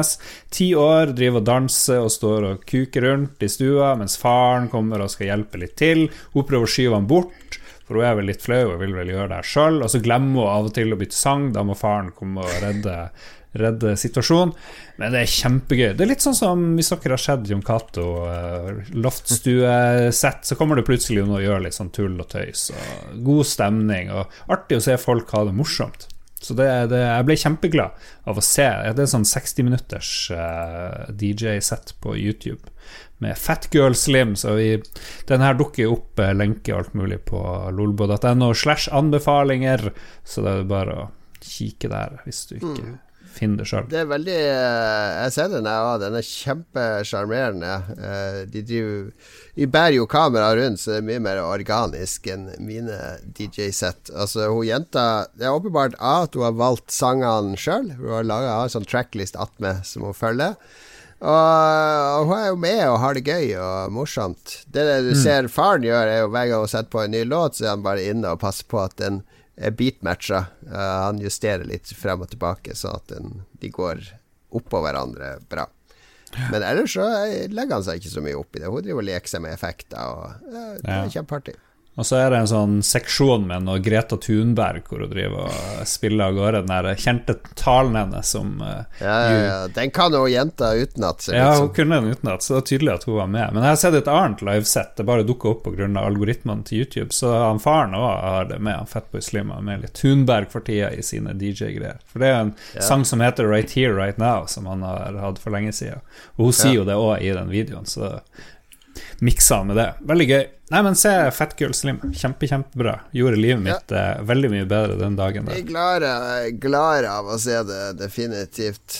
Uh, hvis du skal se et rent Fatboy Slim uh, eh, så bør du se den som er British Airways I360 in Brighton. For jeg spiller han i en sånn ufo. De har laget sånn der skyskraperheis, altså en ufo som er utenpå en påle full av folk, som de kan heise opp 150 meter eller noe sånt opp i lufta. Kult. Og ned igjen. Så driver han og spiller i den der roterende greia der med masse folk som danser. Og Det er ganske artig sett han spiller der. Veldig fine omgivelser. Han er uh, Du snakka jo litt om det, at jeg byr på meg sjøl når jeg er DJ, og det er litt sånn uh, Fatboy Slim. Og jeg liker sånne DJ-er som danser og har det gøy når de spiller. Ja. Uh, det er mange DJ-er, europeiske DJ-er, som bare står og stirrer ned i LP-platene sine når de spiller, eller står med headphones på. Men du må jo, du må jo Altså ser så alvorlig ut, da. Å, jeg mm. spiller sånn tung, seriøs elektronisk musikk, så her skal det ikke smiles og le. Ja. Du må, hvis du ikke er med og har det gøy, det er jo det det handler om. Det er jo kun derfor jeg spiller musikk, det er jo for å ha det gøy sjøl. Støttes. Det var anbefalingen. Nvidia RTX Voice, A pluss 3-in-1 vaskemiddel. NB, vær varsom hvis du har sensitiv hud. Det må undersøkes på forhånd.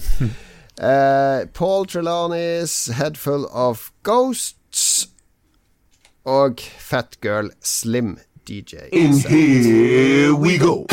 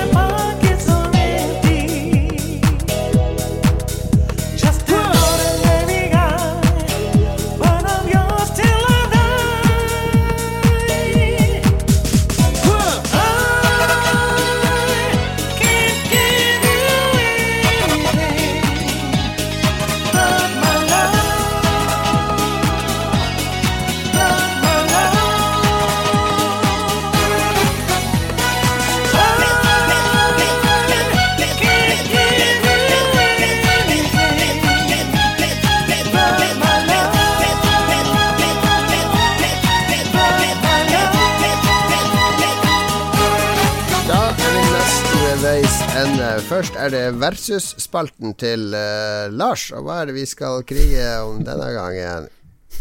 Jeg har glemt ah, av uh, Ble du tatt på senga? Versus-spalten. Jeg tenkte på den, faktisk, siden du hadde en ny spalte i dag. Men jeg, da, da, må jeg ha tid til å forberede meg. Det har jeg ikke hatt denne gangen. Ja. Selvfølgelig har du tid til å forberede deg. Jeg har ikke tid. Jeg, jeg, gjør jo alt fra før av i det jævla Hvile opplegget. kan du gjøre i grava, er det sånn som gamle bønder bruker å si. Jeg har ikke spist middag engang. Jeg har ikke hatt tid å spise middag i dag. Å, stakkars. Hva blir det til middag i dag, da? Det blir frossenpizza. Living the life. Ja ja, gründerlivet er hardt, men eh, bra du tar deg tid til å være med i Lolbua, i hvert fall. Så får vi se om versusspalten dukker opp. Det blir i hvert fall spise hva har du spist i det siste. Det blir hver uke, så da må du finne noe nytt å smake på denne uka, Lars. Ja da skal jo smake på noen overtidstimer på jobb, antagelig. mm. Ok. Eh, lytterspalten har vi med, da. Den er fast. Ja da. Vi uh, bare skrev at vi visste ikke hvilket tema vi skulle ha, og så bare lytterne komme med tema. Men, så de har du, Vi har ikke snakka om eh, Kim Jong-un. Var jo er han, er han, død, eller er han ikke død? Hva, har du noe innsideinfo fra jobben din? ja, hva skjer? Så du du tenker at uh, jobben min det er en pålitelig kilde når sjefen min er mannen ja. som benekta korona fram til midten av mars? Nei tror, tror, ikke det. Nei, for nå, siste nå er vel for det, Dette var jo dramatisk. Lørdag begynte ryktene å svirre, og når kjendisnettstedet TMZ skriver at Kim Jong-un er død De bruker jo å breake news når kjendiser har tatt overdose og sånn. Så tenker jeg ok, da er han sikkert død. Men det siste nå er jo at uh, sørkoreansk sikkerhetsrådgiver står det her, sier at Kim Jong-un er i live og frisk. Hvem bryr seg? Ja, ja. ja. Han spiller dataspill, han gjør ikke han det? Han er veldig glad i Hollywood-film, vet jeg i hvert fall. Ja. Det er en av de prinsene i Saudi-Arabia. Han er veldig glad i dataspill. Han spiller mye sånne der, uh, japanske datingspill og sånn. Ja, vi skulle hatt en diktatorspesial, men det lurer jeg på om vi har hatt. Nei, men ok, vi må gå videre. det, det var veldig... det jeg foreslo å ha, som du bare ignorerte totalt. Så da, da Jeg trodde du skulle ta ansvar og forberede noe til denne sendinga. Vi gjorde jo ingenting. Ja, det var jo hva vi spiste i det siste. Det jo... ja. ja, det kunne jo enhver idiot funnet på. Nei, det kunne de ikke. Enhver idiot kunne funnet på en sånn versus-spalte som de har i én episode. Jeg forberedte meg i hvert fall. Hva vi har spist i det siste? Du forberedte jo ingenting. Jo, for jeg hadde Katarina, spist hvorfor, grusomme kimchi-dumplingene. Og Katarina hadde forberedt seg Jeg hadde jo sagt fra til henne flere dager siden, så hun hadde jo laga en helt ny rett. Jeg visste jo at du hadde spist insekter. Det er det mest forberedte vi har vært noen gang. Mest forberedt jeg har vært noen gang. Ok, jeg skal ikke si mot det. Jeg er helt okay. enig. Men lytterspalten den er godt forberedt. Her har det blitt klippet og limt inn diverse innspill. Vi kan begynne med Jone. Er det guttenavn? Jentenavn?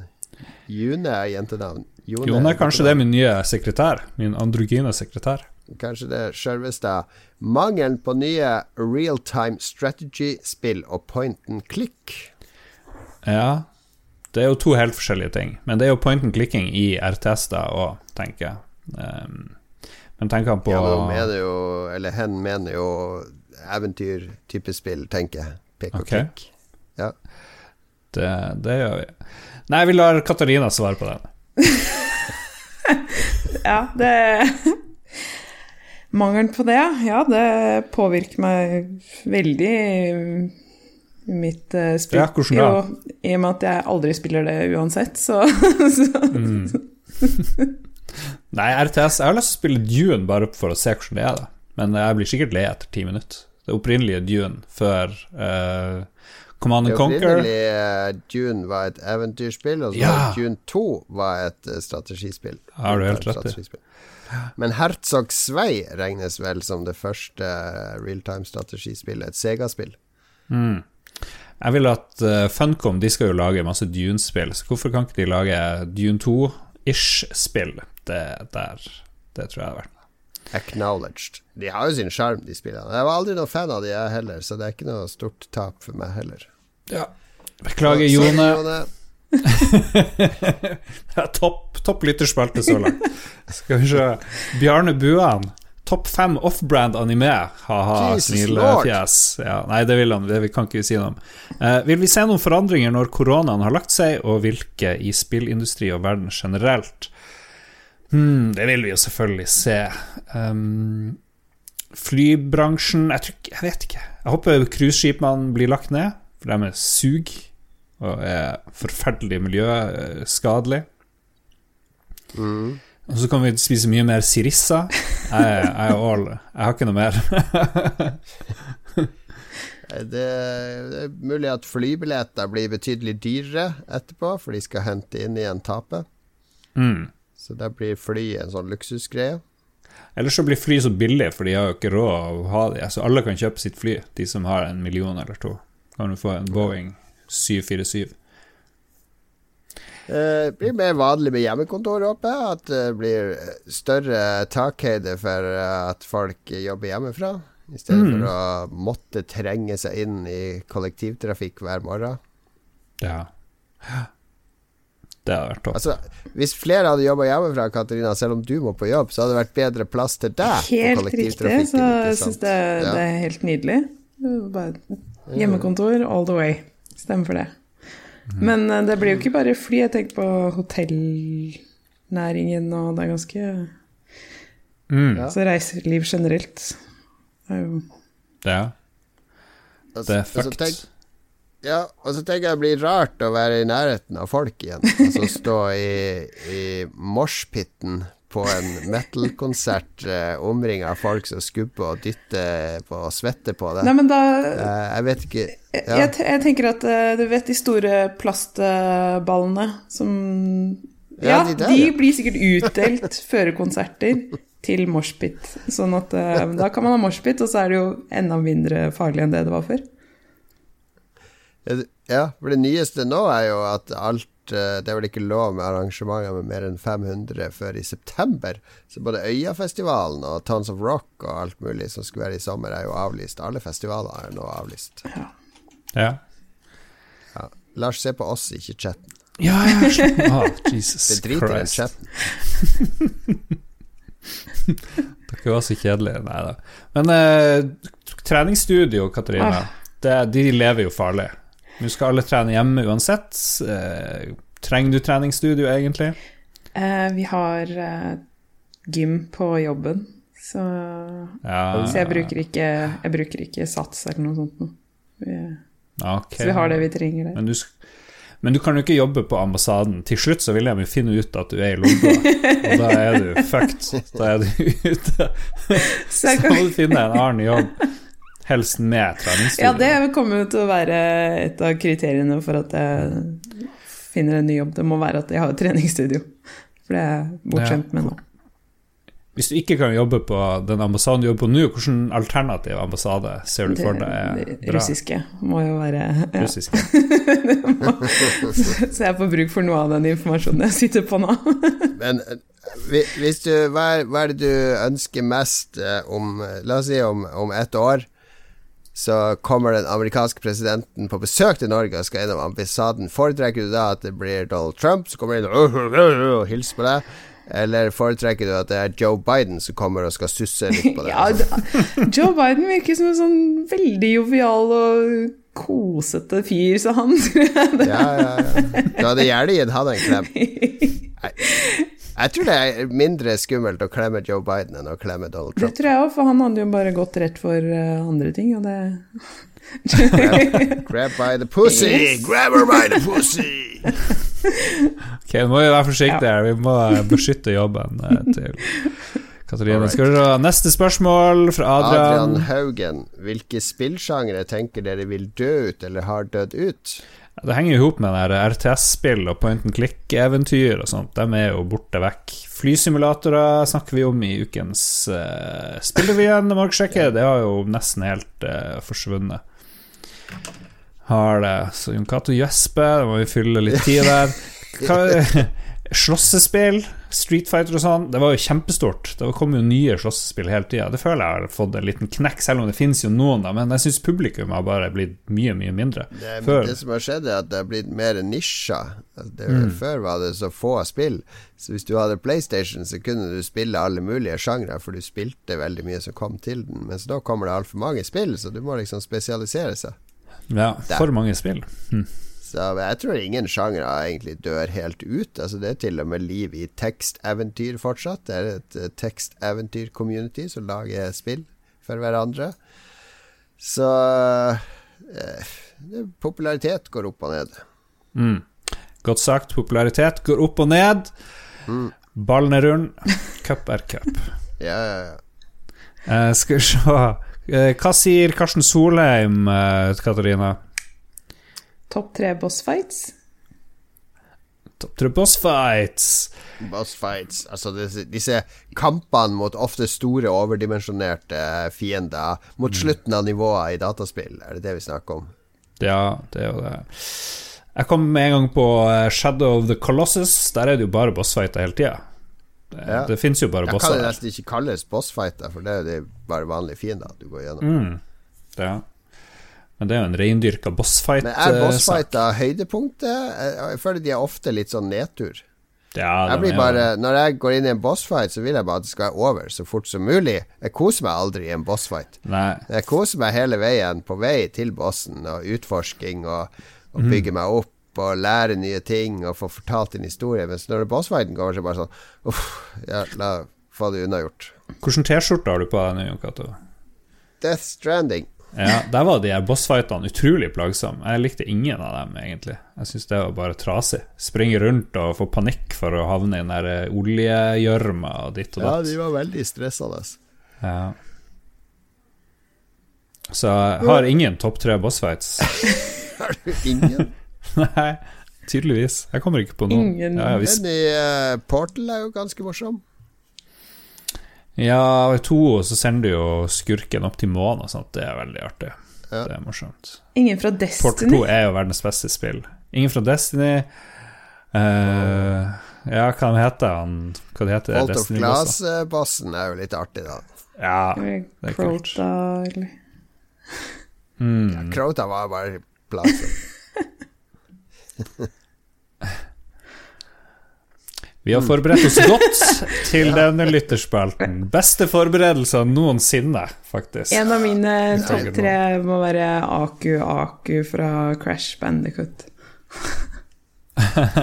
Oi, vi er der. ja. For jeg syns han var så sykt vanskelig. Jeg syns det er mange kule bosser i, i Souls-spillene. Dark Souls og Bloodborne. Der er det mye kule bosser. Det er jo også fordi de tematisk passer så bra inn i de universene, og så er de alle ganske unike. Mm. Bossen i Samantha Strip Samantha Fox strippoker er jo Samantha Fox, så det er den beste bossfighten, eh, egentlig. For hun mister klær underveis, så det er jo bare A pluss. Akkurat som vaskemiddel. Har du Nå var sist du spilte klespoker, Lars, på ordentlig? Er det ikke 30 år siden? spilte det i ungdomstida? Jeg husker vi spilte det på leirskole da vi var tolv år. Mm. Gjorde vi òg. Det er utrolig spennende. Ja, spennende. Jeg, jeg, har aldri spilt det i voksen alder. Nei, jeg har en, jeg eh, hadde en kollega en gang. Han spilte poker mot ordentlige folk, men det var sånne uh, lettkledde damer som visste puppene sine, som var croupier eller sånne dealere. Så du så kun hun satt og smilte. Hvor var det her, i Harstad? Jeg kan ikke si hvor det var. Må beskytte, beskytte dem. Det var i Harstad, altså? Det er det du indirekte sier? det? Nei, jeg sier ikke hvor det er. Det kan være hvor som helst. Er det sånn der, uh, toppløs poker, hemmelig pokerklubb i Harstad? Det kan være det. Jeg sier ingenting mer. Ja, jeg, har spilt, jeg har spilt poker med Linni Meister som dealer. Oi Hmm. For var, jeg skrev jo for FOM i gamle dager. Og da var det en uh, Da hadde de en sånn pokerfest, samarbeida med Norges Pokerforbund, så det var sånn FOM pokerfest, og da var det bare sånne FHM-damer som var dealere uh, i bikini. Hmm. Topp stemning. Guttastemning! Guttastemning! Oh, oh, Hit me! Helge Øberg, eh, han vil eh, nevne at um, det ble en beef med Game Reactor plutselig mellom oss, eller deg, Jon Cato, og dem. Han vil ha mer beef. Jeg vet ikke, det, jeg vet ikke om alle har fått med seg uh, i forrige spillrevyen, ikke den som går på mandag. ja, nu, det her syns du var skikkelig kjedelig. Nei, jeg er helt ferdig med den saken. Altså, mm. jeg uh, kritiserte Game Reactor som medie. Uh, mye styring av Game Reactor og de arbeidsforholdene pålagt av å være en del av det internasjonale apparatet, som gjør Som bryter med arbeidsmiljølov og andre ting. Sånn var det når jeg var der, og etter hva jeg har hørt fra de redaktørene som har vært der etter meg, så er det ikke så mye bedre nå. Ja, og så, så tok vi det, det litt opp Ja, vi tok det litt opp i spillerevyen for to uker siden, og så skrev Game Reactor en sak, og så skrev du et motsvar på ja, Lolbua. Ingar Takanobu Hauge i Game Reactor skrev en kommentar der han mente at jeg var useriøs og Uh, ditt og datt. Altså, overskriften var jo at Spillrevyen er et dårlig medie, ja, eller et eller annet sånt. Noe sånt. Men han sendte den kommentaren til meg på mail da, og ba om uh, å få et uh, til, ba om tilsvar fra meg hvis jeg ville gi det, så jeg sendte han jo et tilsvar, men det trykka han jo ikke i den kommentaren, så da trykka jeg det på Lolbua-sida, på bloggen min på Lolbua i stedet. Så det er det eneste dramaet her. Fordi jeg har sett et tilsvar der jeg Altså, jeg tror godt de som jobber i Game Reactor Norge nå, eh, de som skriver for de, de har sikkert alle gode intensjoner av å prøve å lage et kult og bra medie innenfor de rammene de har lyst til. Men da syns jeg at de kan heller Da burde de heller slutte i Game etter og lage sitt eget medie. Eh, fordi er de flinke og har lyst til det, og det gjør jo du nå i disse dager, Lars. Du lager jo ditt eget medie. Mm. Har du pågangsmot og har du lyst, og nå har de nettverket òg, de har jo vært innafor i et, uh, et medie. Gjør det for deg sjøl, i stedet for å bare finne deg i og være under det her regimet, ikke sant. Det er mange som har slutta i Game Rector og starta for seg sjøl. Ja. Bra. Herlig. Beefen lever.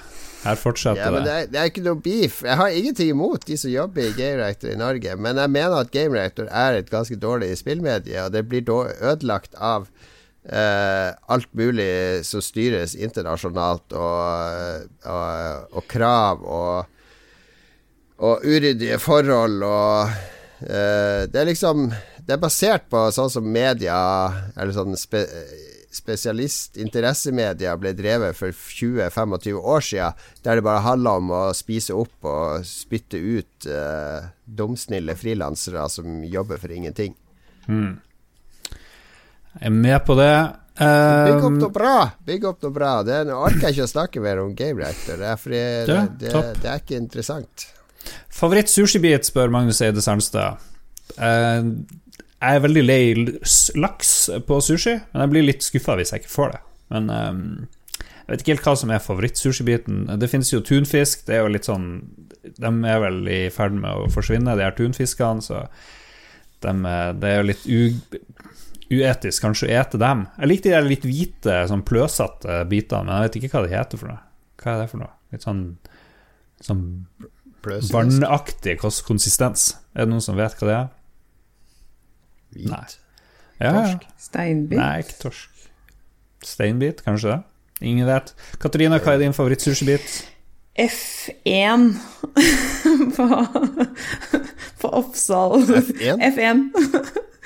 Ja, det er, det er uh, menynummeret på sushibutikken nedi gata her. Ja, Men du får vel ikke bare én bit i den? Nei, nei, men det, den heter F1. Ja. Og det er, mm, men det er, det er, da en uh, en uh, makirull med kamskjell. Mm.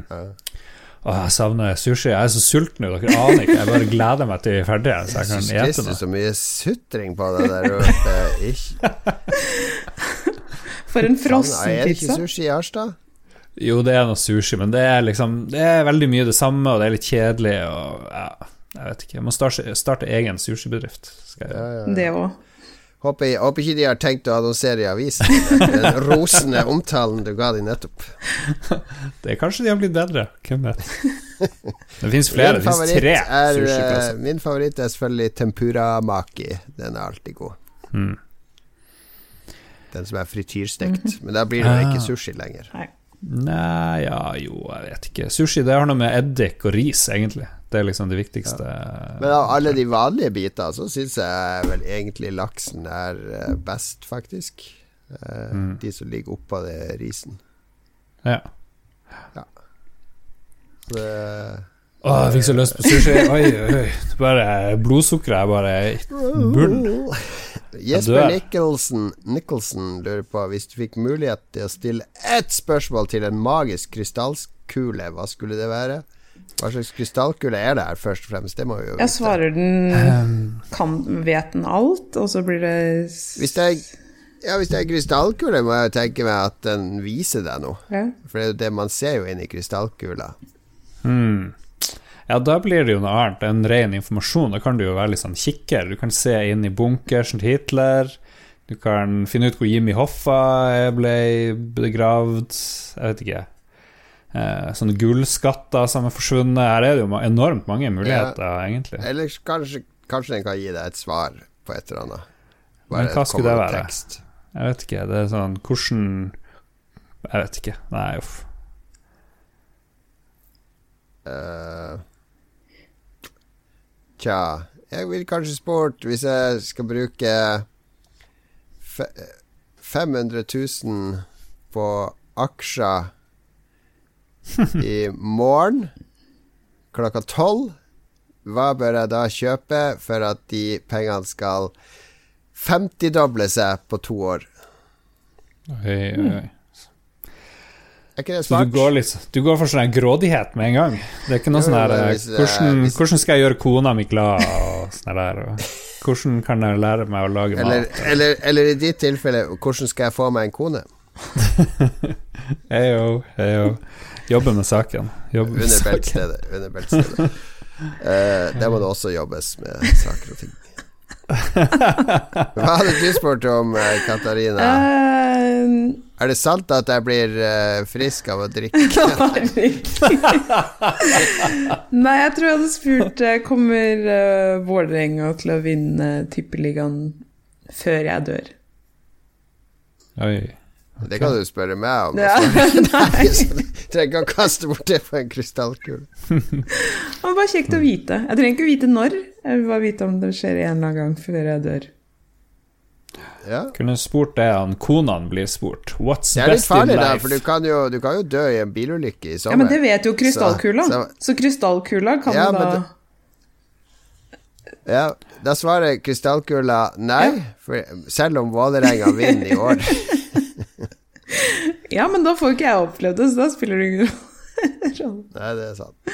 Men kanskje det da blir en selvoppfyllende profeti, for da blir du så deprimert at du bare går rett ut i veien uten å se deg før, for du er så deppa av at Vålerenga aldri kommer til å vinne, og så blir du påkjørt og dør. Så det, her er det sånn, det her er sånn fjortis-horrornovelle. Fordi du visste det, så skjedde ja. det. Paradokset!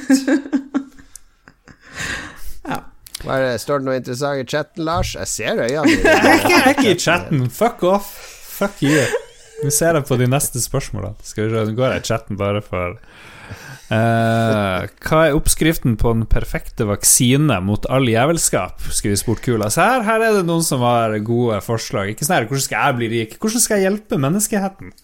Det, det ja. viser du deg for et elendig menneske. Men da kan du jo bare spørre Trump, for han vet jo. ja, nei, Jeg mener ikke at du er et elendig menneske, men det var litt egoistisk. Det må du si. Hvordan skal jeg bli rik med aksjemarkedet klokka tolv? Tenk om man bruker pengene på noe kjempebra, da. Det kommer jo an på hva jeg blir en perfekt filantrop som bare lar pengene mine drysse ned på samfunnet og berike alle sine liv.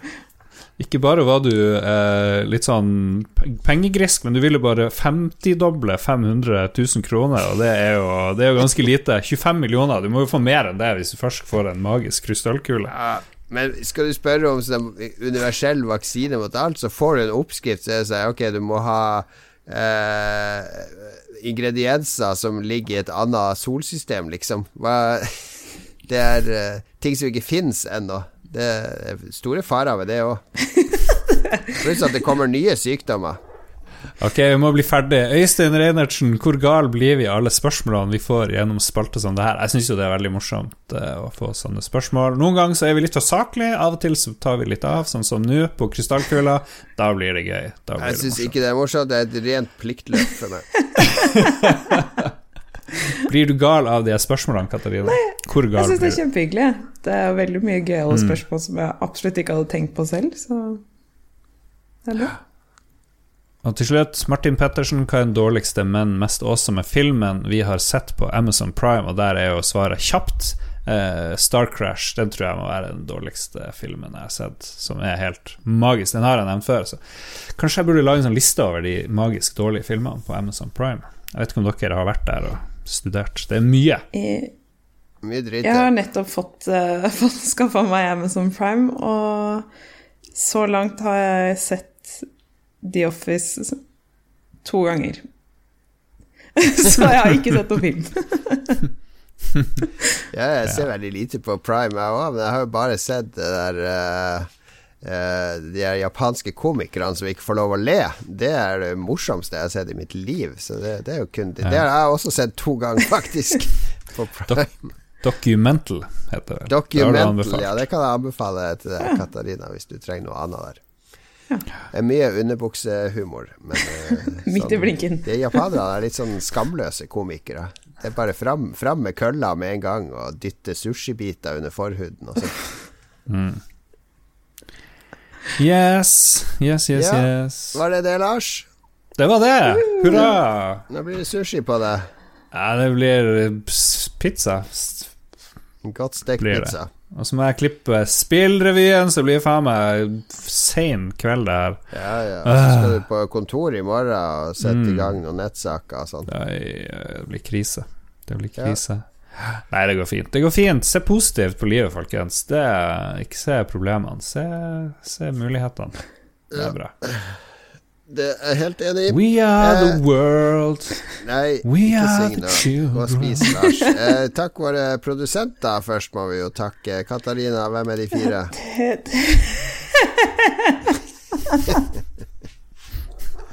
Det her gjør vi med alle redaksjonsmedlemmer. Det er sånn test. Og så sitter Lars og noterer i margen. Ok, ja, Ståle han husker alle sammen. Mm. Philip husker tre.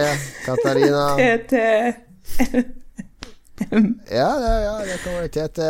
MX. MXP? MXMP, ja. Ja, ok. Ja. ja veldig, veldig nærme. Det, det var én. Nå, så, nå, prøver jeg desperat å leite fram. så jeg skal ærlig innrømme at jeg jukser bitte lite grann.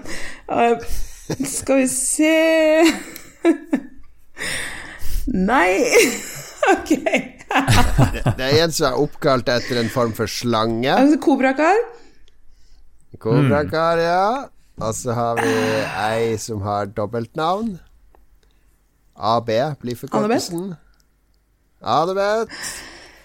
Og så har vi siste Han har bare sånn vanlig navn. Eh, litt som Jon Cato. Rolf Rolf Helge Ja. jeg har jo hørt deg så mange ganger også, jeg burde jo huske Rolf Helge holder. Kom etter hvert. Kom etter hvert. Jeg må øve litt mer på Katarina. Ja. gjerne print ut en liste med de fire navnene, så kan du lese på T-banen på vei til jobb. Litt til og fra jobb, så skal du se at det sitter. Jeg skal henge det over senga. Altså, Heng det over ja. senga, våre produsenter. Ja. Da blir de glad. Istedenfor sånn live, love, laugh-greier, så kan jeg bare ha navnet på produsentene våre. Sweet. All right, du har hørt på Lolbua, en uh, hyggelig og oppbyggelig podkast som tar for seg spill, populærkultur og nå også mat. Vi er en jovial og trivelig gjeng som lager podkast hver eneste uke, anført av meg, Jon Cato, og Lars Rikard med en hel gjeng med flinke folk som hjelper oss. Katarina, Ståle, Philip, eh, Dag Thomas, Mats og jeg glemmer alltid igjen Christian. Takk for at du hører på, kjære lytter. Støtt oss på Patrion hvis du ønsker det. Vi har en meget aktiv Discord der det diskuteres mye, og er litt lunsjchatta av og til for folk som har hjemmekontor. Eh, vi har quiz hver onsdag på Discord, eh, anført av vår lytter Kampsauen. Og eh, er det noe annet? Det blir annenhver. Det har blitt annenhver uke, så det blir nå på onsdag. Ja. ja. Er det noe mer, Lars? Nei, det er ikke noe mer. www.patrion.com slash lolbua. Det må dere på. Så må dere på lolbua.no, hvor det er blogger hver dag fra Jon Katos. Ja, ja, eh, Der er det mye beef med Game Reactor hver dag. Beef. Slutt med den beefen. Du får lage beef med i Harstad snart. Hver, ja, så må du sjekke ut iharstad.no, eh, Norges nyeste nettavis, kan vi vel påstå eh, per nå. Ja, det Hvordan er det å jobbe Når du sier at du jobber i, i Harstad, det blir veldig tungt, det. Jeg jobber ja. i Harstad. I ja. Harstad. Det er en svakhet der, faktisk, ja. i systemet. Faktisk. Ja, avklart. Ja. Ok, takk for oss. Ha det bra.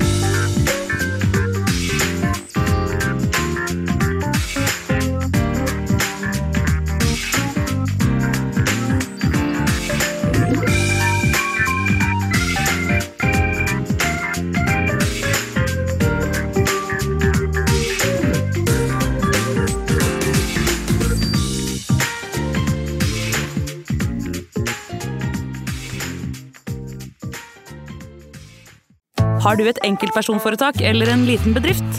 Da er du sikkert lei av å høre meg snakke om hvor enkelt det er med kvitteringer og bilag i fiken, så vi eh, gir oss her, vi. Fordi vi liker enkelt. Fiken superenkelt regnskap.